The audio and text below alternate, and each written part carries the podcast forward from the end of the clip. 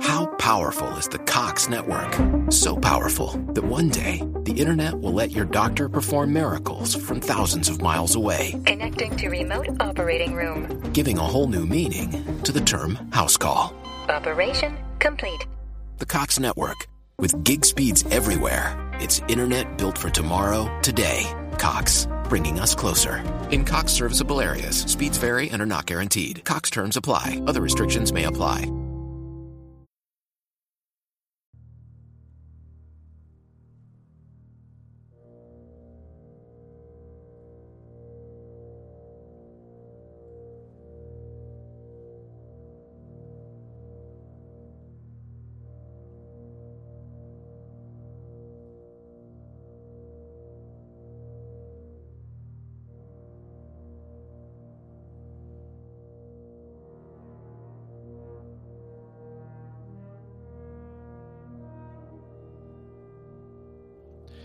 Med en ljudmatta i S-dur som får Phil Spector att blekna öppnar Richard Wagner Der Ring des Nibelungen, ett av de mest storslagna konstverken genom tiderna. Och nu härdar jag enligt vissa, som förstås ifrågasätter orden ett av. Operacykeln Nibelungenringen är enligt Wagner-älskarna kort och gott det mest storslagna som människoanden har skapat. Och det känns svårt att säga emot ibland när man tar sig en blick på de fyra operorna eller dramerna som Wagner själv sade. I Renguldet, Valkyrian, Sigfrid och Ragnarök berättar Wagner en otrolig historia om människor och gudar, om man och kvinna, om girighet och försakelse, om kärlek som bränner ned allt men ändå på något sätt förlöser världen på nytt. Och i denna berättelse spelar musiken en mäktig roll, inte bara genom sång utan också genom att orkestern ständigt avslöjar känslor och idéer som personerna på scenen inte alltid ser klart eller döljer för varandra. I bakgrunden hör vi nu renguldets inledning, ledmotivet ur ursprungskraften med sina S-dur-ackord som böljar fram, precis som vattnet och floden Ren, där operatetralogin tar sin början. Men Wagner berättar också sin stora berättelse med hjälp av det nordiska, med hjälp av nordiska myter och nordiska dikter. Tidigare förklarade konstnärerna människan och världen med hjälp av grekiska myter och grekisk filosofi samt romersk rätt och politik. Wagner valde att förklara människan och världen genom den tyska och framför allt den nordiska anden. Ljuset kommer från norr, sade redan franska upplysningsfilosofer på 1700-talet om Linné och Celsius. Med Wagners Ring des Nibelungen ges den tanken ny kraft. Inte bara förnuftet ska komma från norr utan även en väg för människan att finna ro och förlösning i all sin strävan och maktlystnad som kan förstöra för henne. En av nornorna, ödesgudinna, säger i slutoperan Ragnarök så tvinna på nytt denna tråd från Norden återtag den igen. Välkommen till en ny vandring på gamla och nya stigar och även en ny vandring med Richard Wagner som var med oss för några veckor sedan. Nu har han gripit vandringsstaven och nio när jag, Jalle Horn, ska försöka bana väg genom Nibelungen, ringens floder, skogar, klippor och eldcirklar. Och med på vandringen är precis som föregången en kär gammal gäst, allas vår herr Svensson.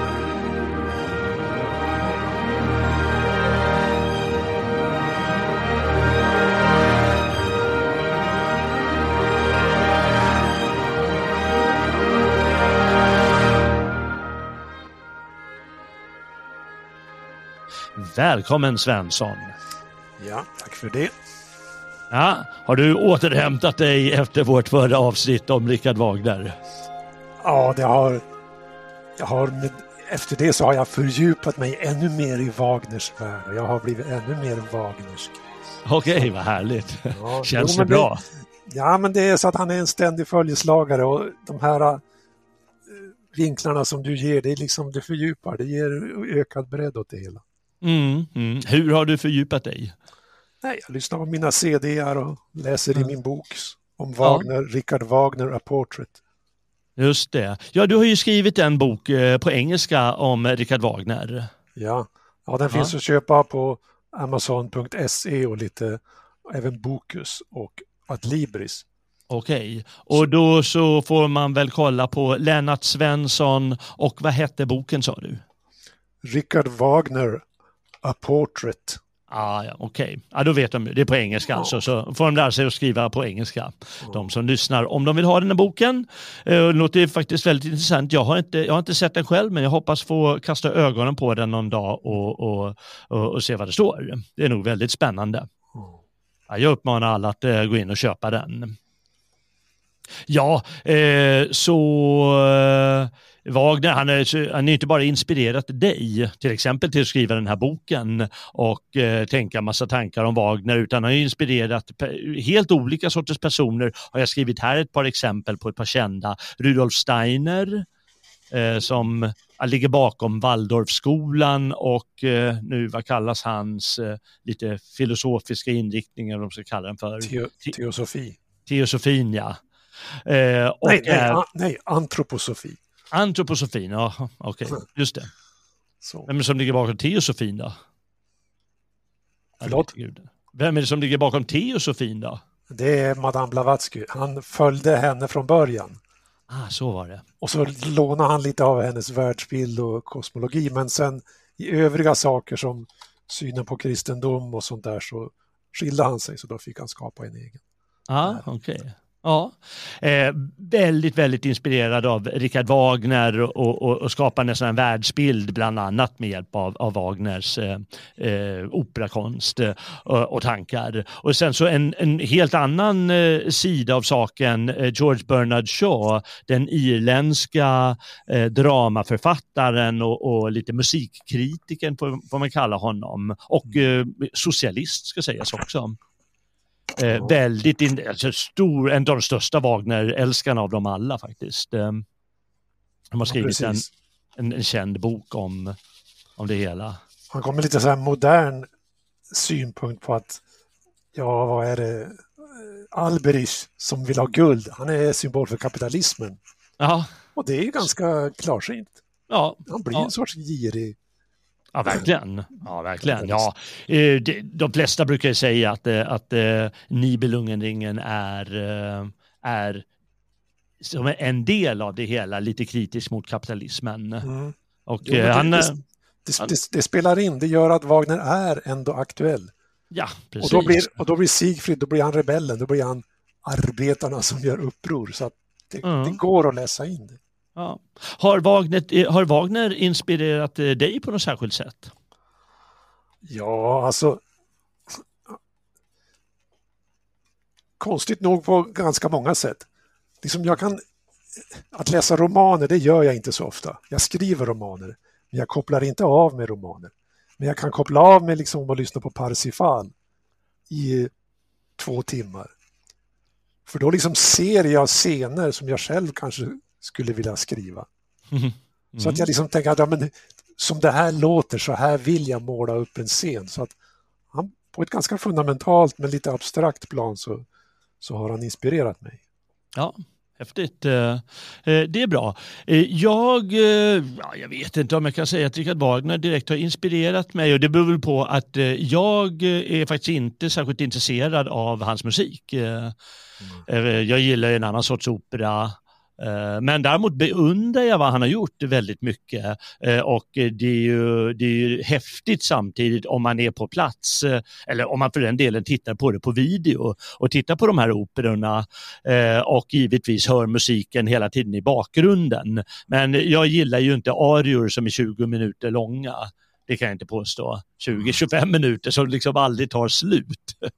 Eh, jag tycker att ja, man kommer någonstans, eh, tappar man eh, greppet om ah, jag, ska inte, jag ska inte säga för mycket vad, vad det är. Det, det är bara att jag inte är så förtjust mm. i det och jag gillar den andra sortens opera mer, med klara nummeroperor. Men eh, jag tycker att eh, det är väldigt eh, häftigt gjort och inte minst så beundrar jag ju eh, dikterna väldigt, väldigt mycket.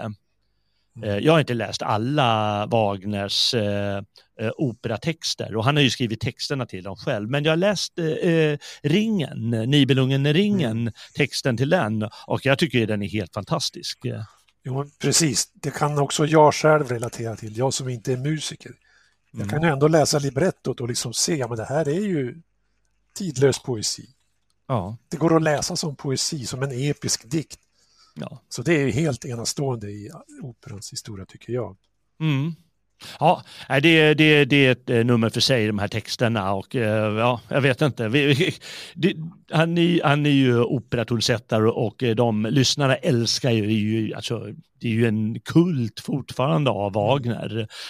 Till skillnad från andra operor så om man går på en Wagner-opera då ser man ju folk komma dit i frack och grejer. Mm. De klär upp sig liksom för, ja de går ju och kollar Wagner. Det är som en liten kult. Och eh, då ska det vara, en, det ska vara lite häftigt och, och lite krydda på det hela. Eh, så det är något särskilt. Eh, och musiken, han, han, har ju sin e lite egna musikstil som flera tar efter faktiskt, efter honom. Eh, nämligen att det, för att upprepa vad vi tog förra gången, och bara, jag ska passa på att säga det här lite nu, för vi antar att vi inte kommer beröra musiken särskilt mycket, utan det är själva idéerna och, och, och texten och, och tankarna och var de kommer ifrån. Men musiken är ju alltså, den vanliga i opera är att man spelar en handling eh, och så bryter man av handlingen och sjunger en sång med jämna mellanrum ungefär så en opera funkar. Det är ett vanligt skådespel med sångnummer.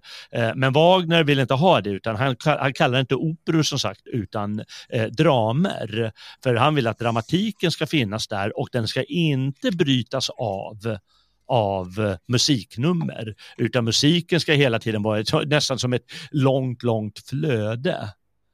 Och det blir nästan så att numren går in i varandra och, och hela tiden ska orkestern finnas i bakgrunden. Eh, och orkestern eh, den kan avslöja saker som personerna på scenen eh, kanske tänker eller känner eller bara en stämning som finns där eller sånt som de inte avslöjar som de, som de liksom vill hålla hemligt eller som, ja, som, som de inte fattar riktigt själva. Och det gör då eh, eh, Wagner med hjälp av den här så kallade ledmod, led ledmotivstekniken.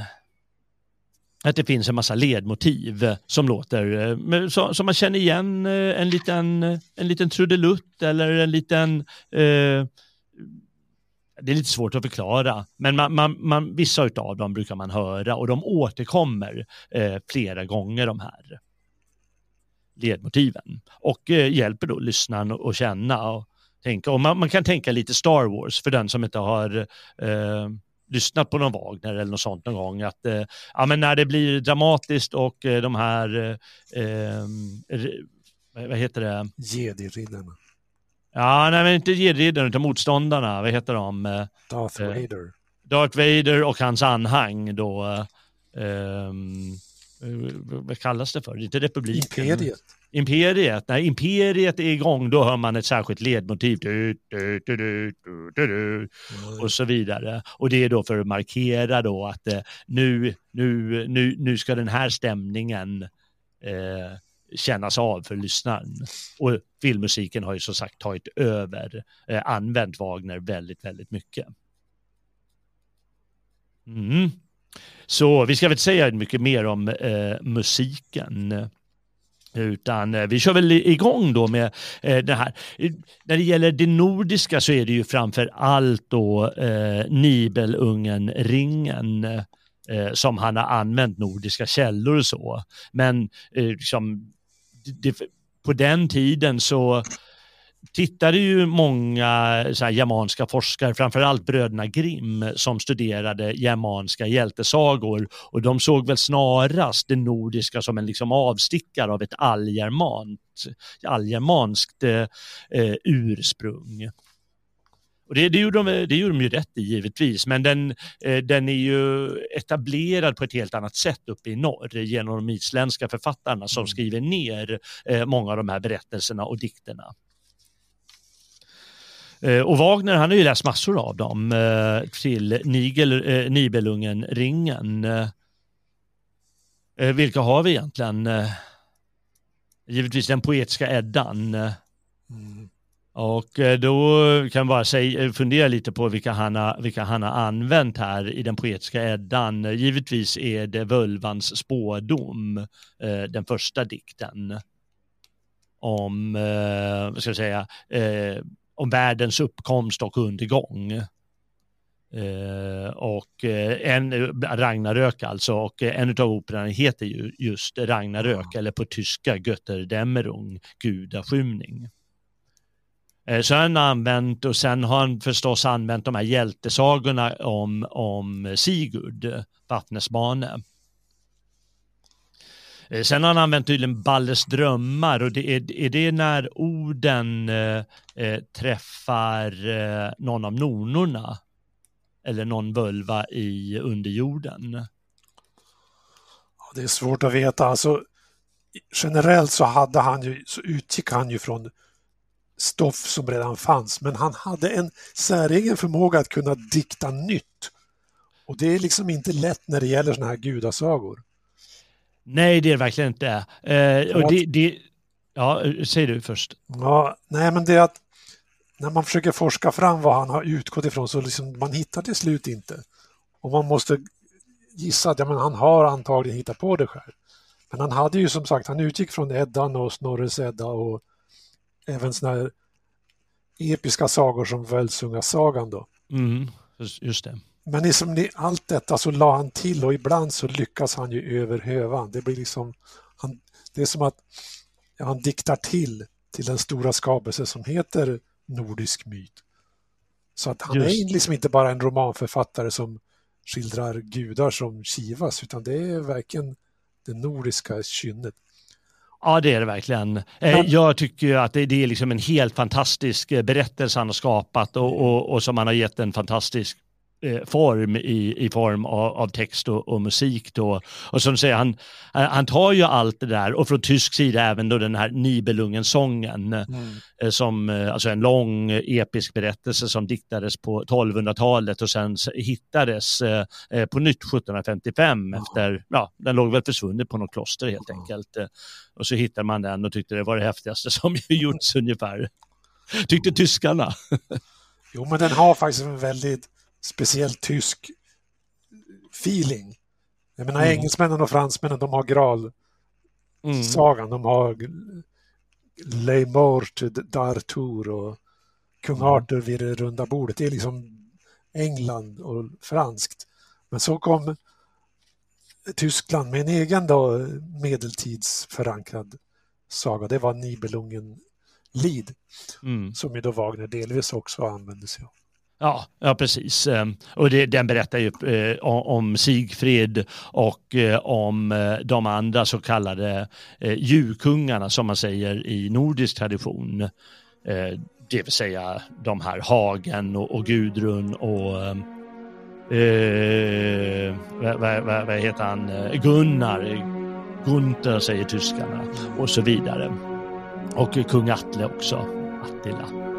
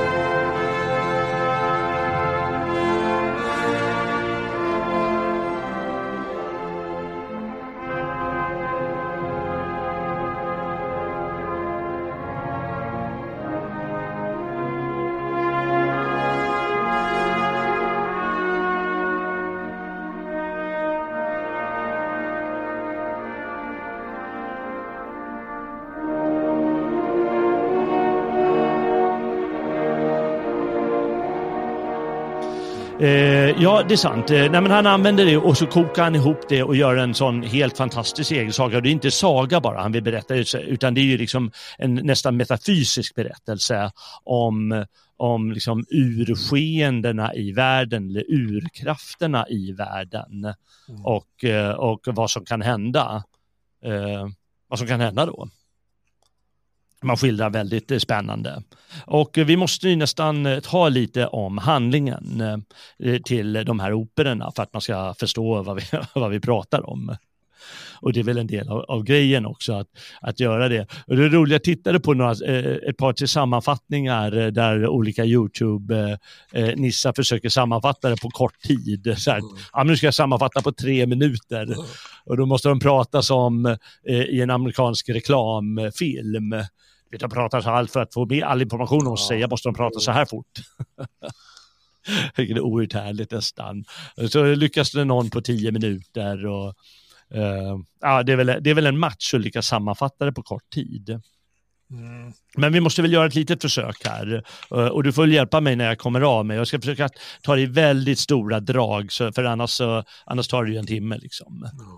Utan, men det börjar så, som jag sa i inledningen där i, vid floden Ren eh, där eh, tre så här vattennymfer eller vad man ska kalla dem för eh, simmar omkring. Eh, de kallas Rendöttrarna och upp ur en avgrund kommer dvärgen Alberich.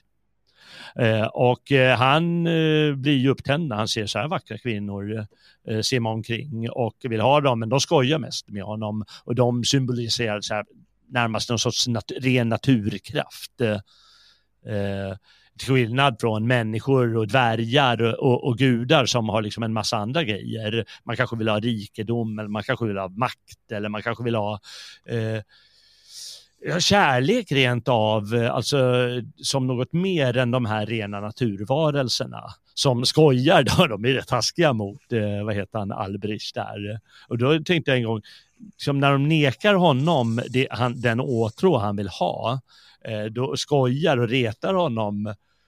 Det är liksom nästan som de här tjejerna man sett på skolgården som retar med en kille, liksom, och, alltså sexuellt nästan retar honom. Ja visst, det ja. finns med där. Det är det som är ja. också är charmen med Wagner, att det finns en erotisk dimension där. Så. Ja, det gör det. Och det är nästan så att naturen har sin egen undergång i sig, för det här sätter igång ett förlopp. Hos Wagner, eller hos Alberich, när han ser att det glimmar på botten där i ren och frågar vad det är. Ja, det är ju renguldet som ligger där, säger de helt öppet. De ska ju vakta det också. Men de menar också att de, den som tar guldet och kan göra en, en ring av det, eh, den måste avsvära sig kärleken. Men han kommer få all makt i världen. Men de oroar sig inte för att någon ska knycka det, för vem vill avsvära sig kärleken? Så de, de tycker det är ingen som gör. Men gör Albrecht det? Ja. Nej. Jo, men han avsvär sig alltså kärleken och tar ja. guldet. Så menar jag alltså. Ja, han tar det och, eh, och, och, gör det till sitt eh, och de ojar sig och, och, då sätts den här tragiska processen igång som till slut kommer leda till Ragnarök. Eh, för guldet bär ju givetvis en förbannelse på sig vilket alla kommer att märka. Eh, och några som kommer märka det så småningom är förstås gudarna, eh, framförallt då Oden, eller som han kallas här då, Våtan, som har låtit bygga Valhalla. Och det har han gjort med hjälp av eh, eh de här två jättarna, Fasolt och Fafner.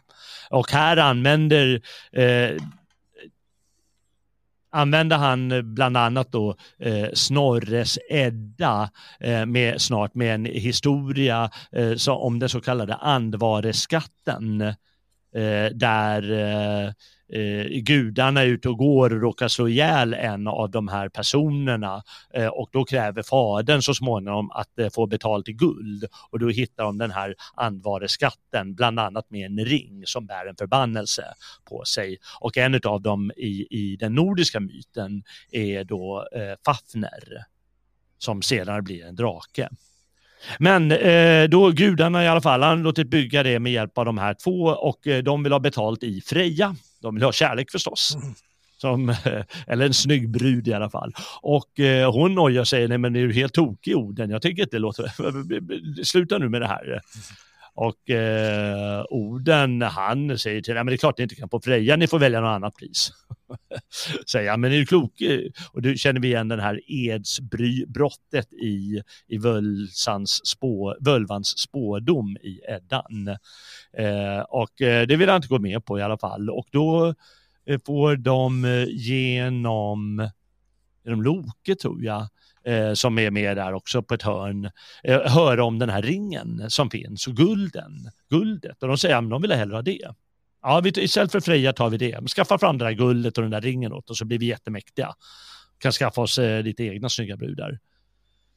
Och eh, han har inget val. Eh, de tar Freja som pant nämligen. Och säger vi behåller Freja tills eh, vi får det. Och Freja hon eh, har ju hand om ungdomsäpplena som gör att eh, eh, gudarna förblir unga och friska. Och de börjar bli gamla på en gång och inser att eh, de måste fixa fram det där guldet. Eh, och Loke och Oden ger sig iväg för att göra det och, och hitta den här Albri som med hjälp har lyckats eh, skapa den här ringen då genom hans bror Mime. Eh, och eh, han låter Mime och de andra nivel, nibelungarna eller nivelungarna som vi säger i Norden eh, arbeta för att bryta guld. För med hjälp av ringen så kan han hitta var det finns mer och mer guld. Och då är det alltså girigheten som har drabbat honom helt och hållet eh, när han har avsvärt sig kärleken. Och eh, de lurar av honom ringen eh, efter ett tag och och skatten också, alltihop. Eh, och eh, han blir förstås förtvivlad, Albrich, och, och kastar vidare förbannelse på dem. Ja, den här ringen är förbannad, ta den ni, men ni kommer alla gå under. Eller vad han nu ger för förbannelse. Eh, men eh, orden, han vill ju behålla, det är som, som Tolkiens ring här nu, att han vill ju behålla den själv på en gång. Han vill ju inte ge bort den. Uh, men när, jättarna kom, när han träffar jättarna så inser han att ah, jag måste ge bort den för att få tillbaka Freja. Uh, och så får de guldet och ringen och uh, gudarna kan träda in i Valhalla. och Freja är tillbaka och där anser de då att de kan få skydd. Redan här så spökar Loke och ser vad som kommer att hända, att någonting har, eh, det här undergången har sitt frö i sig. Så i samma stund som han känner sig säker och kan gå in i Valhalla så är det så att gudarna själva är dömda egentligen.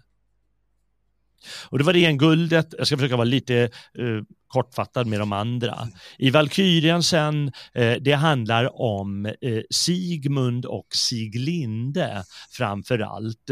Eh, nämligen så att eh, Våtan, han har tänkt, tänkt, ut en plan. Han förstår ju att det här kommer leda till undergången på något sätt, men han tänker att han kan förhindra det genom att skapa en fri hjälte som vinner ringen och på något sätt så ska det därigenom, antingen genom att det kommer till honom eller återbördas ges till rendöttrarna så ska han för, eh, för, förhindra undergången.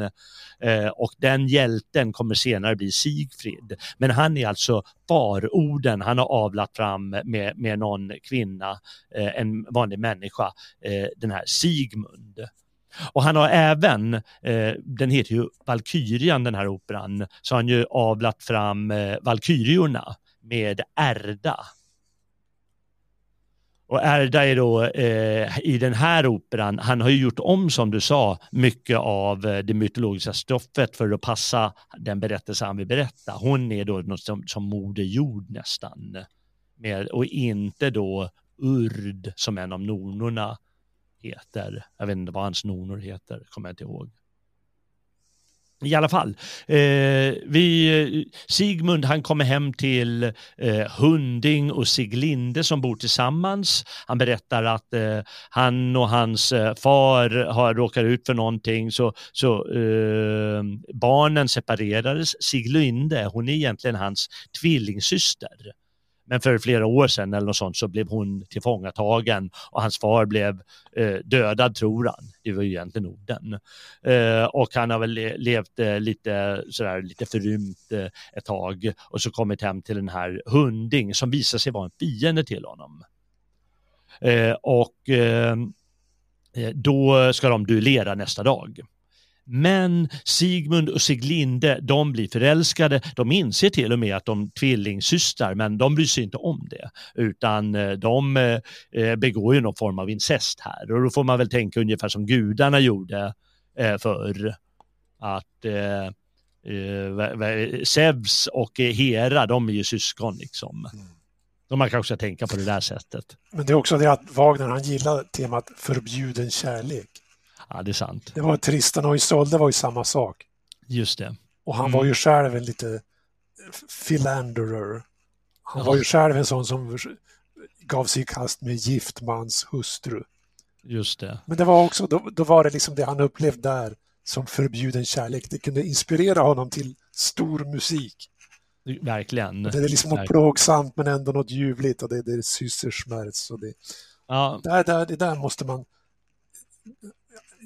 gilla om man vill gilla Wagner. så att säga. Aha. Ja, det får man göra. Förbjuden kärlek där. Och det är ju den eh, längst utdragna kärleksarian i operahistorien typ. Som de sjunger, eller duetten som de sjunger tillsammans, här, Sigmund och Siglinde. Jag vågar inte spekulera i hur lång den är. Jag kan ju säga att en sån här opera som eh, Valkyrian är ungefär på eh, fyra och en halv timme mm. med pauser. Och eh, Sigfrid, den tredje operan, den är ju på fem timmar någonting och eh, med, med ett par pauser och Ragnarök är ju sex timmar med pauser. Så det är liksom långa grejer vi pratar om. Det är mycket som ska berättas och gestaltas.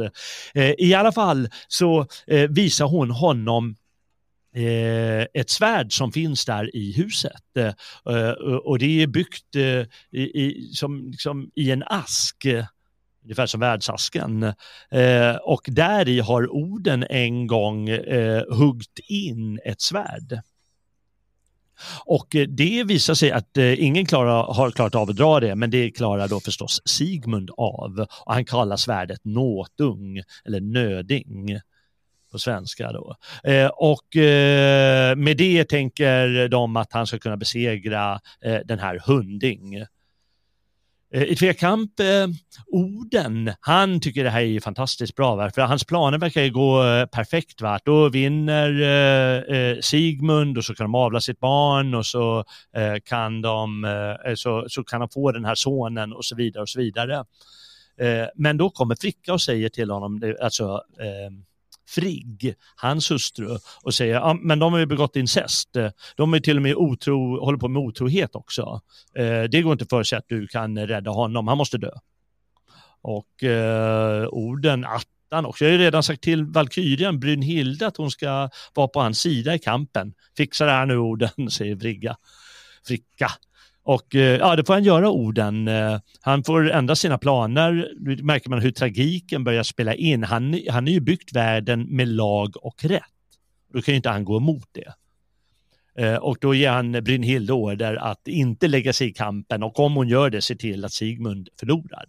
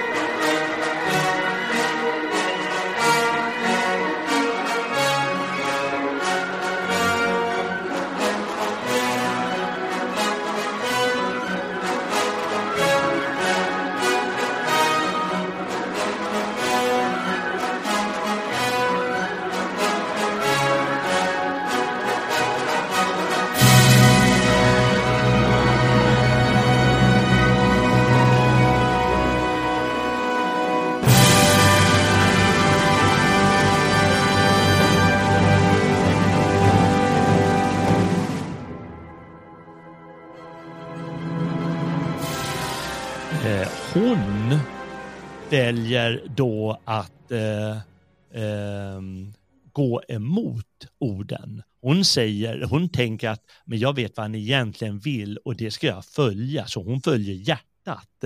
Och då bryter hon i sin tur mot lagarna så att säga.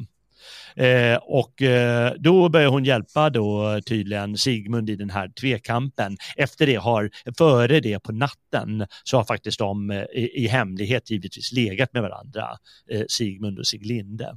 Och eh, eh, orden kommer eh, och när han ser att oj, Sigmund håller på att vinna, det får inte hända. Och så splittar han svärdet eh, och lyckas Hunding då ha ihjäl Sigmund.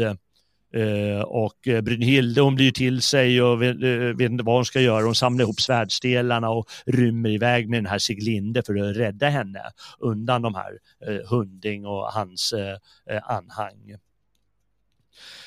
och så att hon och säger att hon är havande och kommer föda en hjälte en dag. Eh, Brynhilde själv eh, går det svårt förstås när orden får eh, tag på henne och då får hon i en förbannelse. Eh, måste bara tänka efter lite här. Vad händer med ringen nu? Den är hos Fafner. Ja, just det. Ja. Då får hon en förbannelse i alla fall att eh, hon ska ligga nedsövd på en klippa till någon hittar henne. Och denna någon kan vara vem som helst. Då ska hon leva med honom eller förälska sig i honom. Eh, och då ber hon i alla fall, kan jag inte få i alla fall en eh, eldring runt mig? Så att det inte blir så bara den modigaste som vågar gå igenom eld kan hitta mig. Ja, okej, okay, säger han. Och så är det slut på Valkyrian. Och nästa opera, då får man följa den unge Sigfrid.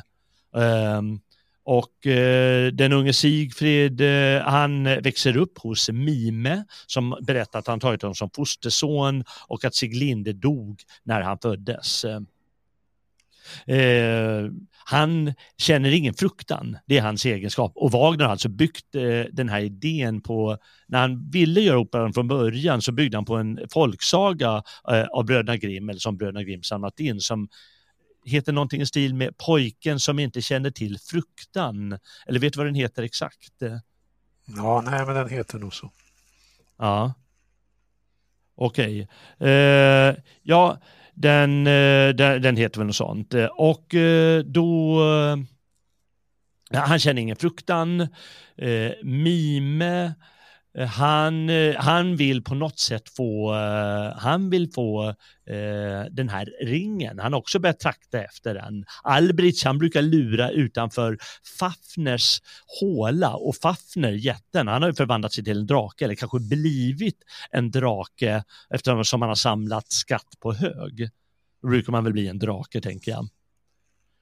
Och eh, det som händer är att, eh, vad heter han, Sigfrid, eh, eh, Sigfrid, han, eh, han lyckas, eh, vad heter det, eh, smida ihop de här svärdstelarna som ingen har klarat. Eh, eh, och med hjälp av den, eh, med det svärdet eh, så, så går han att möta Fafner och han känner ju ingen fruktan. Eh, och samtidigt har, vad heter han, han har gjort någon sorts giftdryck eller något sånt, den här Mime.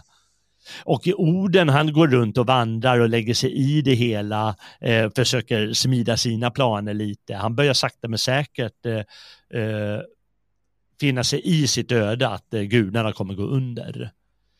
Uh, och vad heter det, Sigurd han dödar äh, Fafner och uh, som även den nordiska sagan berättar så får han blod på fingret som han stoppar i munnen och då hör han en fågel berätta om de här planerna som Sigurd har. och då Eh, då, då, dödar han eh, Mime efter det och så ser han till att han får skatten och ringen. Men fåglarna berättar också om eh, den här Brynhilde, en flicka då som ligger, som finns uppe på den här klippan bakom eld, en eldring och då går han dit och på vägen dit så vill orden stoppa honom med sitt spjut. Och då tror jag det är någon, någon grej att bara den som kan förstöra, hans spjut kan träda in där och ta, eh, ta vad heter det, eh, få, få henne. Och då gör han det i alla fall. Han eh, lyckas bana väg och putta orden åt sidan och gå upp eh, och igenom elden och finna eh, den sovande Brynhilde där och eh, väcka henne. Och nu vet jag inte om jag har hittat på det här själv, men då är det som att första gången så känner han fruktan inför kärleken. Eh, till skillnad från alla faror han möter, men det är nog bara jag som har fantiserat ihop det där, eller? Ja, jag har inte läst, jag har inte följt det där i detalj, men det ringer någon klocka det du säger där. Det är liksom, det måste ju finnas någonting som gör intrigen spännande.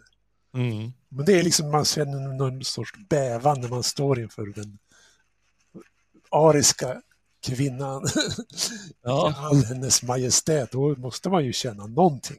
Ja, det måste man ju verkligen göra. Så det är det som du, det är det som faktiskt jag tror ingår i operan, att det är nu möter han liksom tillvarons grundval. Ja. Kärleken i dess ariska form. Ja, precis. Så, så som Fröding sjunger i, i, i dikten. Mm.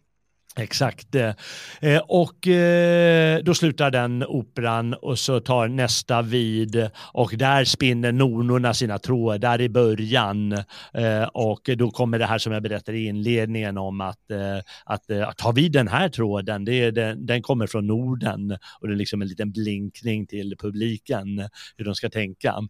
Mm. Och som det var ju lite, det var ju nytt i operasammanhang att använda nordiska myter, det hade inte gjorts tidigare före Wagner. Eh, och eh, då, eh, då i alla fall, eh, så när de har spunnit färdigt sina trådar, den, de, de kommer inte vidare när de kommer till den här storyn med, med Albrecht som skär guldet, för de inser att det kommer gå i kras det här. Och så, så eh, sjunker de väl ner igen, eh, nonorna.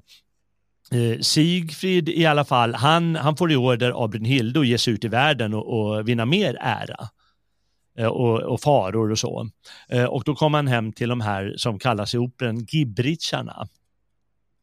Och det är alltså eh, eh, Gun, Gunter och Gutrune, heter det på Gutrone. Men vi kan ju säga Gunnar och Gudrun för att göra det eh, lättare för oss att säga. Och, eh, och Hagen då, som på, på svenska heter Högne. Och här har han kastat om rollerna lite jämfört med, med Eddan och Völsungasagan. Eh, eh, Wagner. Mm. Men i alla fall, vi, kan, vi måste ta storyn till sitt slut. Eh, han, eh, han träffar dem, de Hagen, han vet på något sätt hur det ligger till. Han får bland annat information av eh, Albrich, eh, som är hans far. Eh, den här Hagen. Eh, och eh, han kom, tänker ut lite planer hur han då ska vinna ringen. Och de ger Sigfrid en glömskedryck så att han glömmer Brynhilde. Hagen säger att det finns en vacker kvinna uppe på en topp där. Eh, och eh, varför inte använda Sigfrid? För Sigfrid och eh, Gud, Gunnar, de knyter blodsfrändskap. Och eh, då så varför inte använda Sigfrid för att eh, hämta den här Brynhilde åt Gunnar?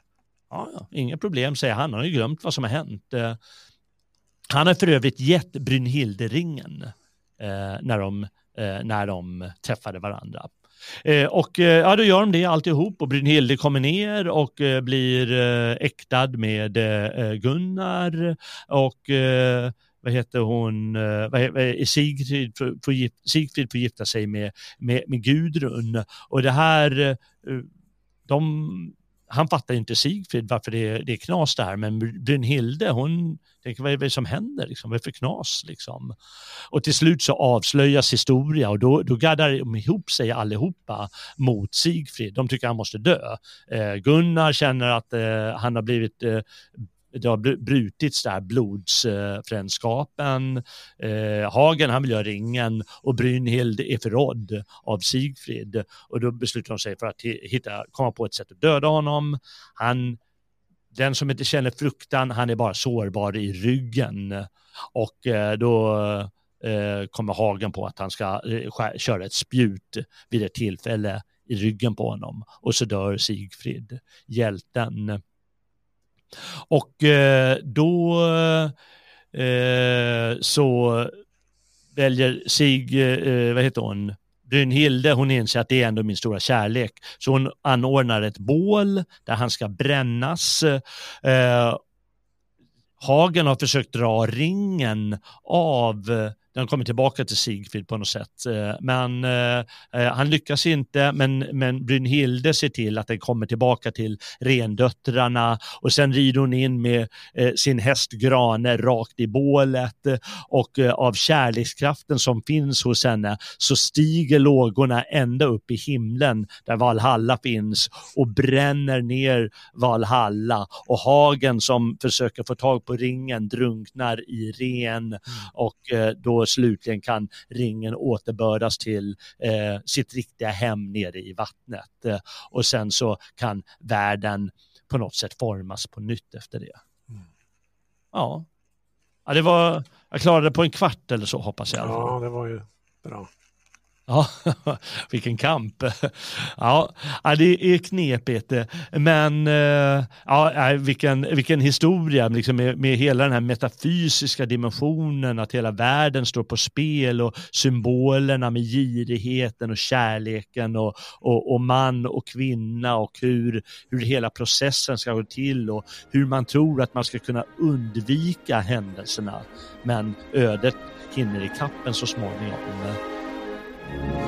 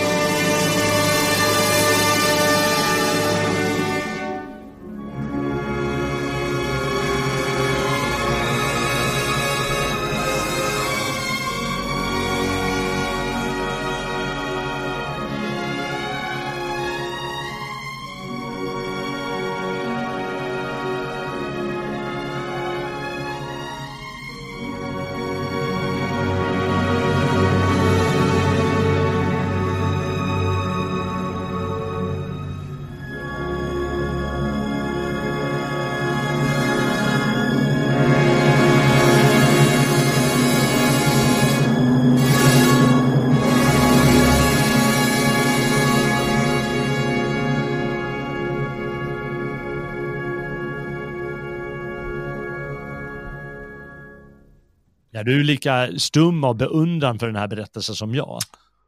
Egentligen är jag inte det för att jag, jag tycker den har goda enskildheter men det jag stör mig lite grann, lite grann på det är att Oden, han ska liksom vara toppguden men han är ändå underkastad ödet.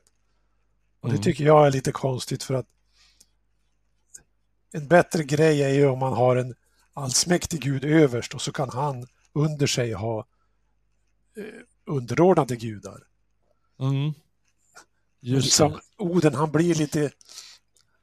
Ja, jag tycker det, det är naturligtvis inom... Det är ju, han följer ju Edda dikten, alltså asatrons anda på något sätt. Att ja, men det är, allt ska gå under. Men våra asatroende idag, de, de går väl inte direkt att tro på undergång. De går väl inte att vänta på att Ja, de kanske gör det, men gör de det så, gör de, så, så tror de fel. Mm. menar, det där är ju en, att eh, kontinenten, eh, att Midgårdskontinenten vid Nordpolen gick under för 50 000 år sedan, det är ju en sak, men det ju, betyder ju inte att världen, vår värld går under, utan det, det blir lite grann som tredje rikets undergång. Allting ska gå under i en eh, final mot en brinnande himmel och det är untergang för dess egen skull. Så att det där är inte riktigt min tekopp, men ja, på vägen dit så har man ju ändå fått en del roande scener och man har ju ändå Wagner. Wagner har ju skrivit andra operor också så att mm. det är liksom ja. det, det, är ett helhetsfenomen. Ja, jag men, förstår. Men liksom, ja.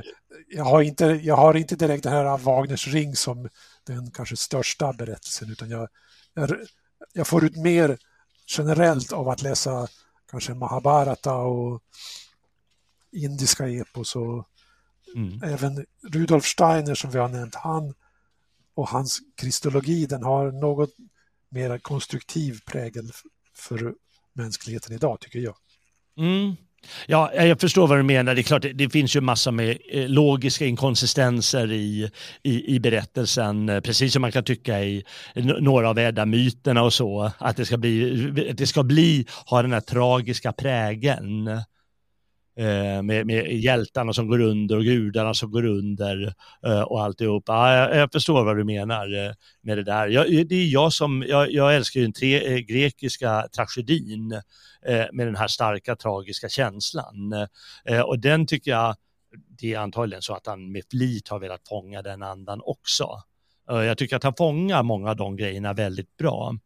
Eh, men det är klart att det, det, det, finns en hel del konstigheter med det som du säger. Orden, ena sekunden är han hur mäktig som helst och nästa är han inte alls mm. mäktig. Mm. Precis, det, det, där har Wagner, han har blandat ihop hjältesaga, den ska sluta med tragedi. Mm. Medan gudasaga, den kan vara ett satyrspel. Mm. För guden kan sätta sig över lagarna och det blir inget straff för det. Mm. Och sen har vi, ja, gudasaga och sen har vi någonting över det.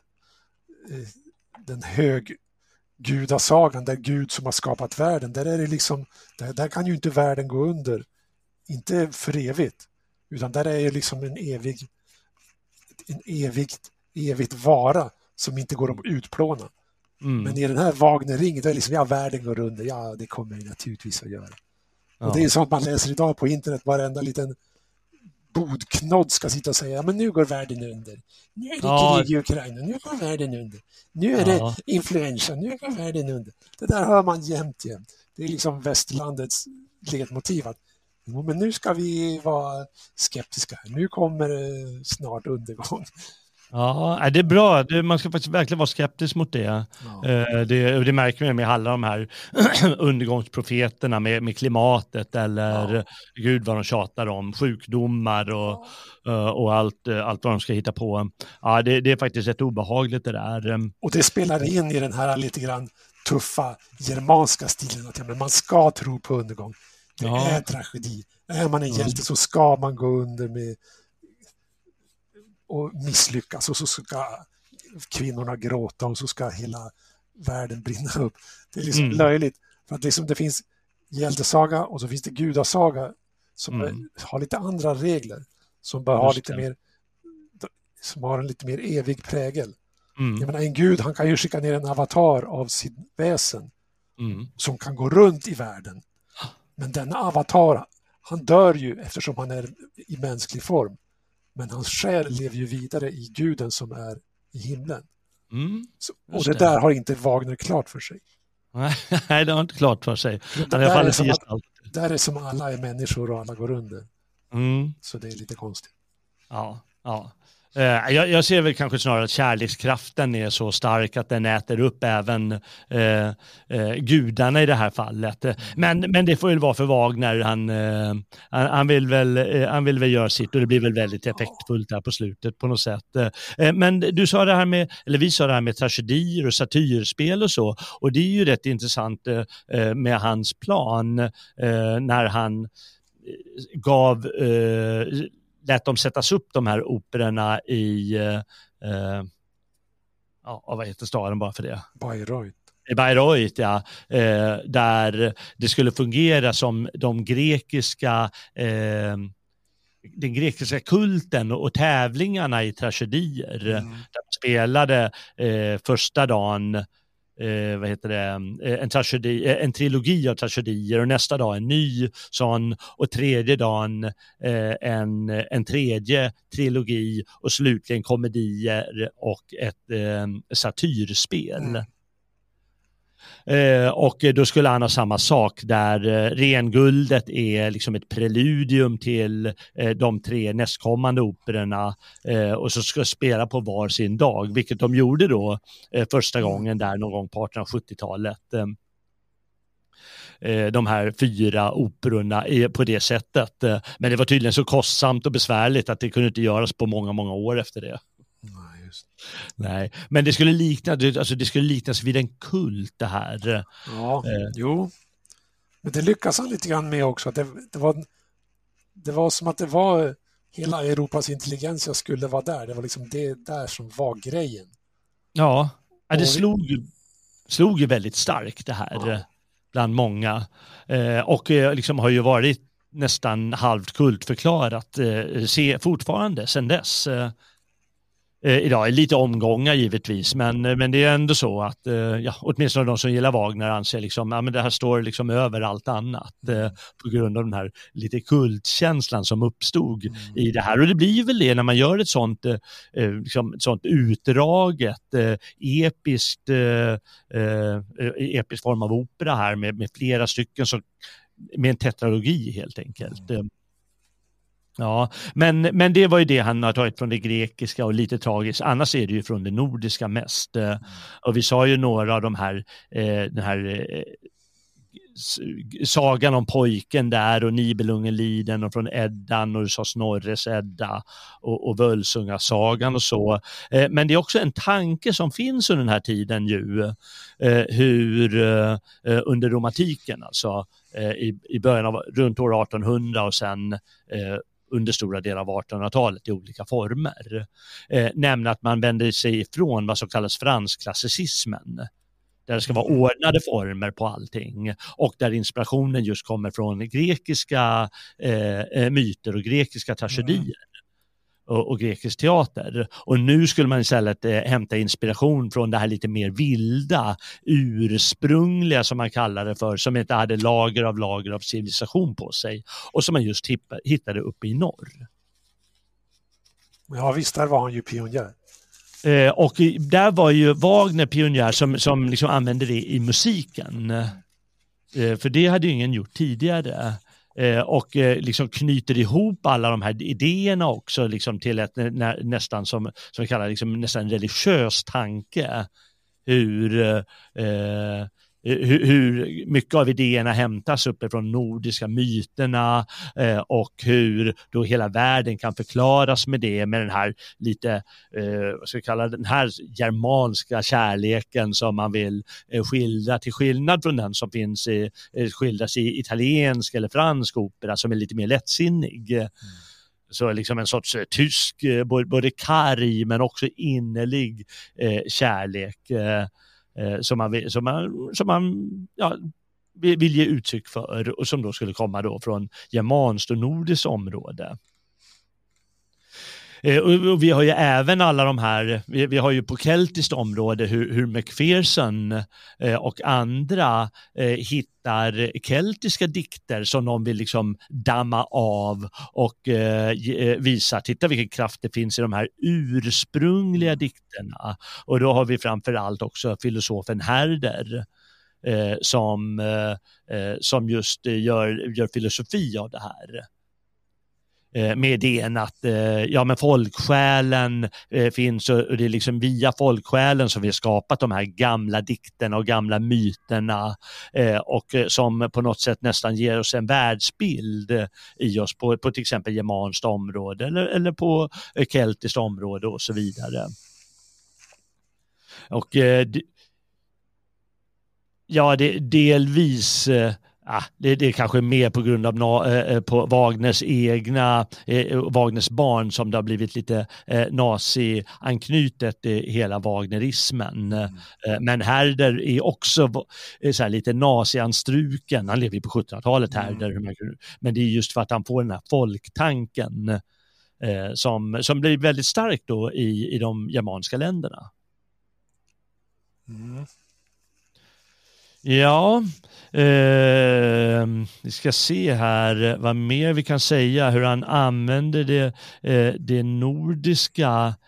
Vi har berört det mesta här eh, med sagorna och eh, eh, den nordiska diktningen och då, som man just trodde då var mer eh, folkligt baserad diktning. Det lustiga med Wagner är att han var väldigt receptiv. Han kunde ta mm. liksom olika ämnesområden och göra något ja, väldigt tjusigt på scenen. Mm. Han, kunde ju, när han, han kunde ta norska attityder och sjömansattityder och göra en sjöopera ja. i, vad heter det, Den flygande holländaren. Precis. Mm. Och han kunde ta keltisk myt och göra en opera på det och han kunde ta medeltidstyskt och göra opera på det. Och så kunde han ta det här asatron och göra opera på det. Men liksom, han var något av en gästspelare i varje värld för att han gjorde en opera om asagudar men han trodde ju inte på de här gudarna själv. Nej. Det är det som är Nibelungen ringens svaghet att men det är lite kittat och spacklat för att få det att gå ihop dramatiskt. Mm. Så det är där det gliporna syns men det är ändå, ja, det är imponerande.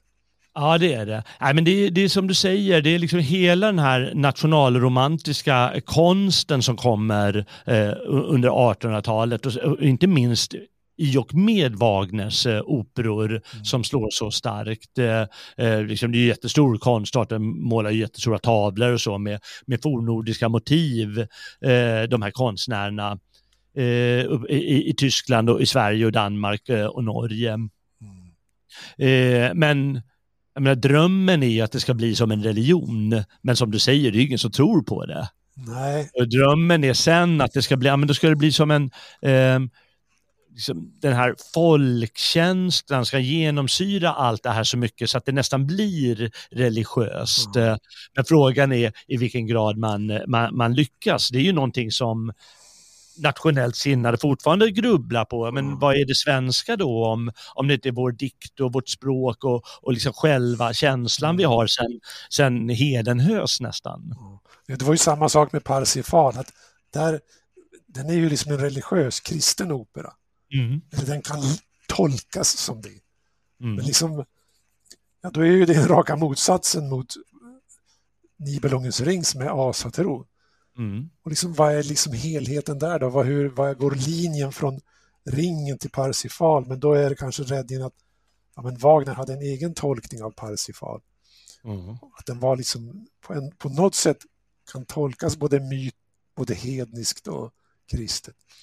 Så att ja. det är en väldigt gråzon där, men allt, allt, allt handlar egentligen om att det ska gå att få till en trudelutt och det ska stå en man och en kvinna på scenen och sjunga något djupsinnigt. Allting går ut på att skapa scener. Och så sen kittar man ihop det med någon sorts intrig. Men det, det, ja. där, det finns ett litet glapp för att jag menar, det finns, inte någon, det finns ju ingen asatroende idag som har Wagner som referens. Nej. Utan för dem Nej, är det, det är kanske bara som en, en rolig, refer, en rolig eh, pynt eller en inramning. Men det har liksom inte någon, någon kultisk eller eh, etisk eller ontologisk betydelse. Så det är, mm. det är liksom Wagner är konstnär, han har gjort ett konstprojekt. Denna, mm. Detta projekt refererar till sig själv. Mm. Det, liksom Oden, Våtan på scenen, det är något annat än Oden i Eddan. Va? Ja, Men, Ja, men då så, det- då kan, det kan ju ändå finnas vissa förbindelser mellan dem. Mm. Men då måste man Alltså- vara konstälskare och musikälskare och Wagnerälskare. Ja, för mig funkar det ju så att det, det, är, alltså det är god konst helt enkelt. Det är bra konst och det, ger, det, det gör ju väldigt upprymd och, och, och full av, av känslor och tankar och så vidare. Det kan man inte sticka under stolen med men det, det är ju inte kultiskt som kanske en, en grekisk tragedi kunde vara på något Nej. sätt. Som en del av Dionysoskulten. Men däremot tycker jag att det är värt att säga eh, hur, hur det gick till det här. Att eh, Wagner han skrev ju en, eh, ett libretto då, en operatext som hette eh, Sigfrids död. Som just där han skulle använda den här pojken som inte visste vad fruktan var och så låna då från eh, Sigfrid, hjälten eh, som fanns till exempel i Nibelungen Lid och eh, göra en opera av. Eh, och eh, då ska han, eh, Eh, då ska det ju blivit det här eh, revolutionen 1848 han bodde i Dresden då, eh, sa vi att han var kapellmästare. Och han var ju på barrikaderna, det var ju en eh, halvt socialistisk eller eh, man kan väl inte kalla det socialistisk, men det var lite arbetarklassen gjorde sig hörd. Eh, Jo, men det var, det var liksom vänster. Ja, det var lite vänsterrevolution så. Eh, Marx och Engels hade publicerat i 1848 också det kommunistiska manifestet. Eh, eh, Så det är ett symbolår på det sättet. Och han var ju på barrikaderna, för han var ju, han hade ju läst de här socialistiska utopisterna, så Proudhon och sådana, Wagner, och var väldigt tagen av det. Och han var tvungen att fly Dresden till Schweiz då, fristaten. Och där så var han tvungen att tänka om med den här operaplanen och göra något mycket större där just eh, kapitalismen och industrialismen då ska bli del eh, och, liksom få symbol genom Albrich och Albrichs girighet och i sista hand symboliserat av, av själva den här ringen som lockar en till förfärligheter. För Albrecht han försvarar ju sitt eget folk eh, rent av för att vinna guld. Eh, och då ska väl det, tänker jag, föreställa en, en viss eh, form av industrialism och, och, och, och girig, girig kapitalism. Eh, allt medan då den andra motpolen är den uppoffrande kärleken som kan förlösa eh, världen trots det här maktmissbruket som, som sker i världen. Och då ska han alltså ha skrivit, eh, eh, gjort om den här Sigfrids död till Ragnarök, för han inser att det, ja, men det blir inte Sigfrid som blir hjälten här, den tragiska hjälten som dör, utan det liksom ska bli Våtan och Våtans vilja och Våtans öde. Och som du sa, där, där han rent av dör, konstigt nog, Våtan eh, i operan och då gjorde han efter Ragnarök skrev han då Sigfrid om den unge Sigfrid som behövde sin förhistoria i form av Valkyrian och då det här förspelet behövdes med renguldet där själva den mytiska förklaringen ges och hur det sätter igång allt. Och det kan man ju, ja, sen vet jag inte hur mycket han har snickrat ihop den där berättelsen själv. eh, Nej, men det är nog det är trovärdigt för att det är väldigt få konstverk, väldigt få episka berättelser som börjar skrivas liksom scen 1, rad 1. Mm. Utan det är att man, man skapar en, en kärna och så till den måste man lägga till prolog till prolog. Och, och- då efterhand så strukturerar det sig. Mm. Ja, är det sant? Så fungerar ofta konstprocessen. Ja. Man bör- börjar inte från början som du säger. Utan, Det är väldigt vanligt att man, det är som även som att komponera en sång. Man kan ha en väldigt fin sång men, och så kan man göra en, en, en, ett intro. mm. Och det där introt, ja, det, det, det finns liksom bara melodiskt i början då. mm. Men det förändrar hela sången på något sätt. Ja, det är sant. Mm. Så det, är det här med att konstnärligt lägga till ett förord, det är konstens själ ofta. Ja, det är det. Och vad som händer i den här konstprocessen som jag tycker är så spännande är att han använder den här eh, Grimsagan och han använder Nibelungen Lid, men det räcker inte till för om stoffet. Och då vänder han sig för att skapa hela operacykeln till de nordiska myterna som finns i Eddan och Völsungasången. Och då han får eh, själva, eh, vad ska man säga, själva jag kallar det den här metafysiska kraften och förklaringen eh, som man letar efter. Eh, med, med renguldet som skäl så blir det en ring och sen förbannar både människor och gudar och dvärgar och allt på vägen genom världen tills naturen kan hitta hem på något sätt som, det, som man tänker sig på slutet och, och kärleken på något tragiskt sätt i alla fall kan eh, visa vem som är starkast. Mm. Eh, och eh, för att göra det vänder han sig just till, till det nordiska stoffet och det tycker jag är väldigt häftigt. Eh, ja, precis, för att det är den Nibelungen Lid som var populär på hans tid och där finns ju ingen Oden. Nej, där finns ingen Oden. Nej. Och dödandet av draken, det nämns bara liksom i förbigående. Mm. Det nämns i början att ja, men här är Sigfrid, han är en hjälte, han hade dödat en drake. Ja, det är inte någon egen scen, utan det nej, nämns. Nej, utan det är mer riddare som möter varandra på ja, olika sätt eh, där och kämpar. Eh, och då, då får han med det här mytiska stoffet som, som, som han älskade Wagner. Och som han var väldigt mån om att gestalta då på olika, olika sätt. Eh, och framförallt då i den här Nibelungenringen Ja, som, som jag i alla fall eh, tycker eh, har en helt fantastisk text. Då, då tycker alla att jag är lite oförskämd över musiken. Då. Men jag kan inte hjälpa det. Jag, jag, tycker texten är bättre än musiken. Men, men det är en bra helhet ja. också. Man kan ju lyssna på, det finns ett sätt att lyssna på Wagner utan text. Wagner utan sång. Det finns på mm. Youtube. Man kan till exempel googla The Ring Without Words. Just det. Och då får man liksom Nibelungen-ringens opera koncentrerat i en timme, en och en halv timme kanske, eller kanske bara drygt en timme.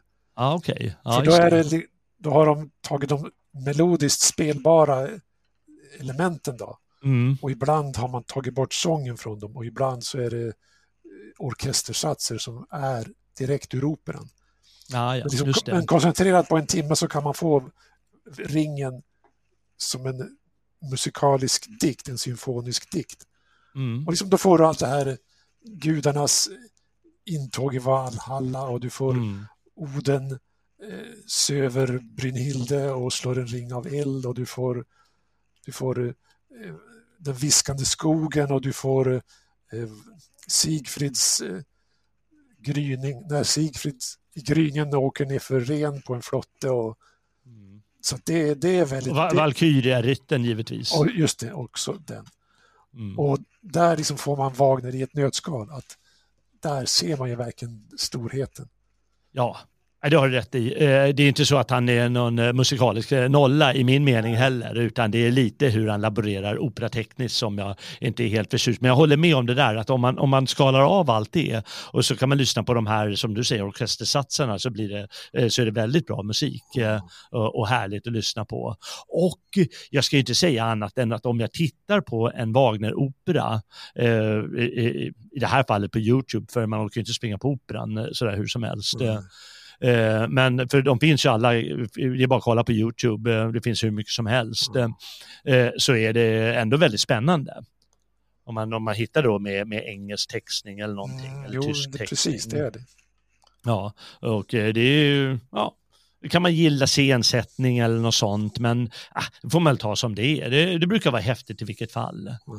Så det, det är ett tips faktiskt att, att titta på det och uh, ha textning och, och sen hänga med. Men man får ju förbereda sig på att om man ska kolla på hela spektaklet så har man ju 15 till 16 timmar. Mm. Så får man se till att man har gott om tid. Ja, har du, har du lyckats se det på operan eller något sånt den här uh, operacykeln? Nej, jag har aldrig sett det på operan, men jag såg när det var Parsifal, när det var 100-årsjubileet av Wagners födelse, då var det då visade de hela Parsifal och det var mm. fem timmar. Ja, jag låg och tittade, jag var helt trollbunden. Ja, trollbunden, häftigt. Trots att jag inte förstod mycket så var det ändå, Nej. det var liksom, det var magi ja. i scenisk gestaltning. Ja, just det. Eh, kanske det finns på SVT Play, det är inte omöjligt. Eh, kan man kolla efter den, eh, den som gjordes i Stockholm för eh, några eh, år sedan, eh, runt 2000, vad säger, 2005, åren där omkring, 2005, 2006, 2007. Oh. Eh, och det är möjligt, eh, för de spelade in den och visade den på SVT. Och det kan vara då att eh, SVT Play äger rättigheterna till den inspelningen. Och då kanske den ligger där. Så det kan man kika på också och se om man hittar.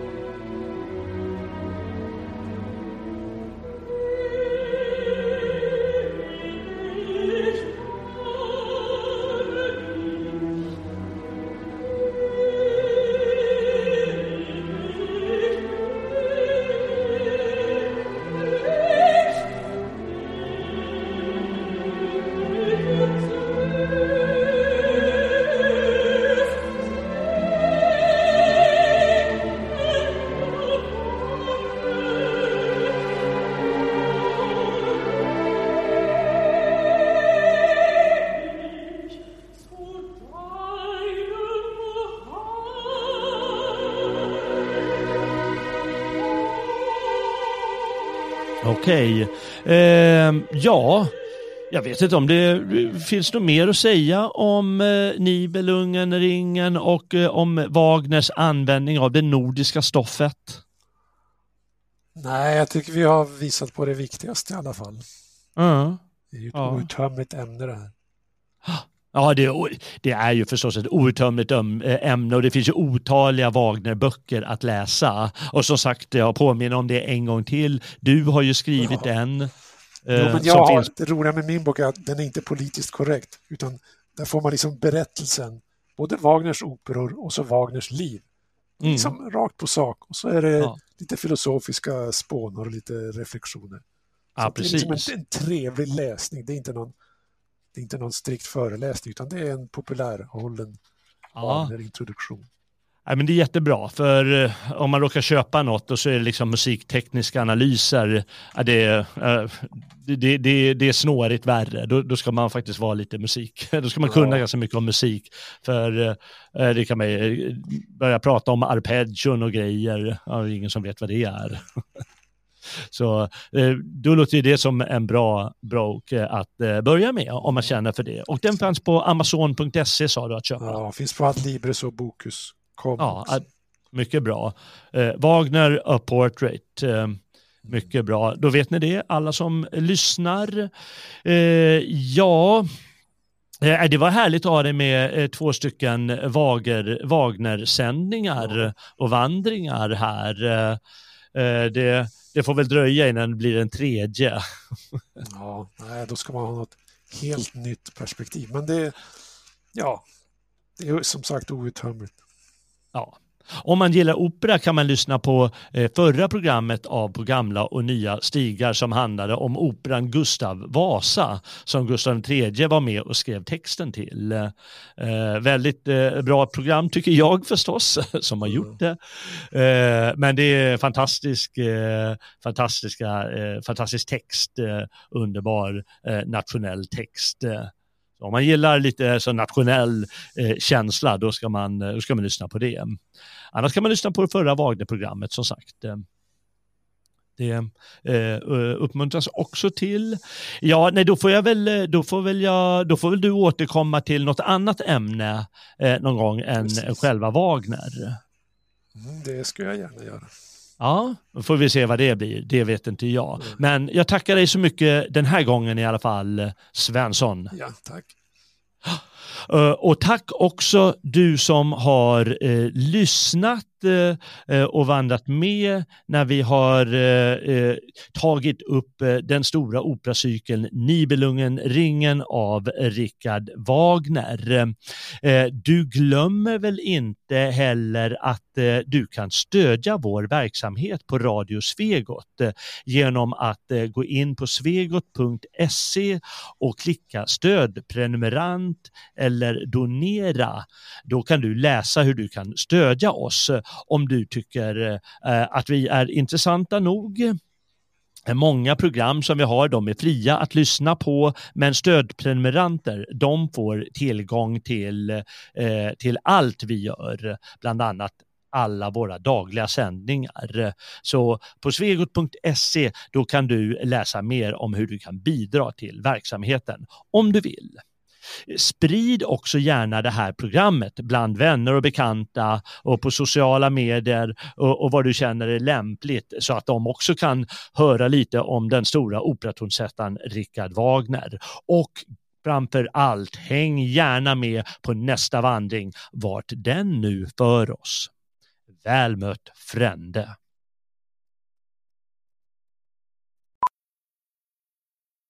How powerful is the Cox network? So powerful that one day the internet will let your doctor perform miracles from thousands of miles away, Connecting to remote operating room. giving a whole new meaning to the term house call. Operation complete. The Cox network, with gig speeds everywhere, it's internet built for tomorrow, today.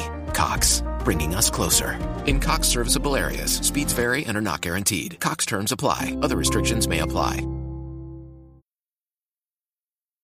Spring into savings at your neighborhood BJ's. From April 25th to May 22nd, save $4 on select skincare products only at BJ's, like Neutrogena makeup remover wipes, Beach Defense sunscreen, and retinol regenerating cream. Lubriderm 24 hour non greasy moisturizer, and Aveeno Daily Moisturizing Lotion. Save April 25th to May 22nd with select skincare products at BJ's. Visit BJS.com for more information.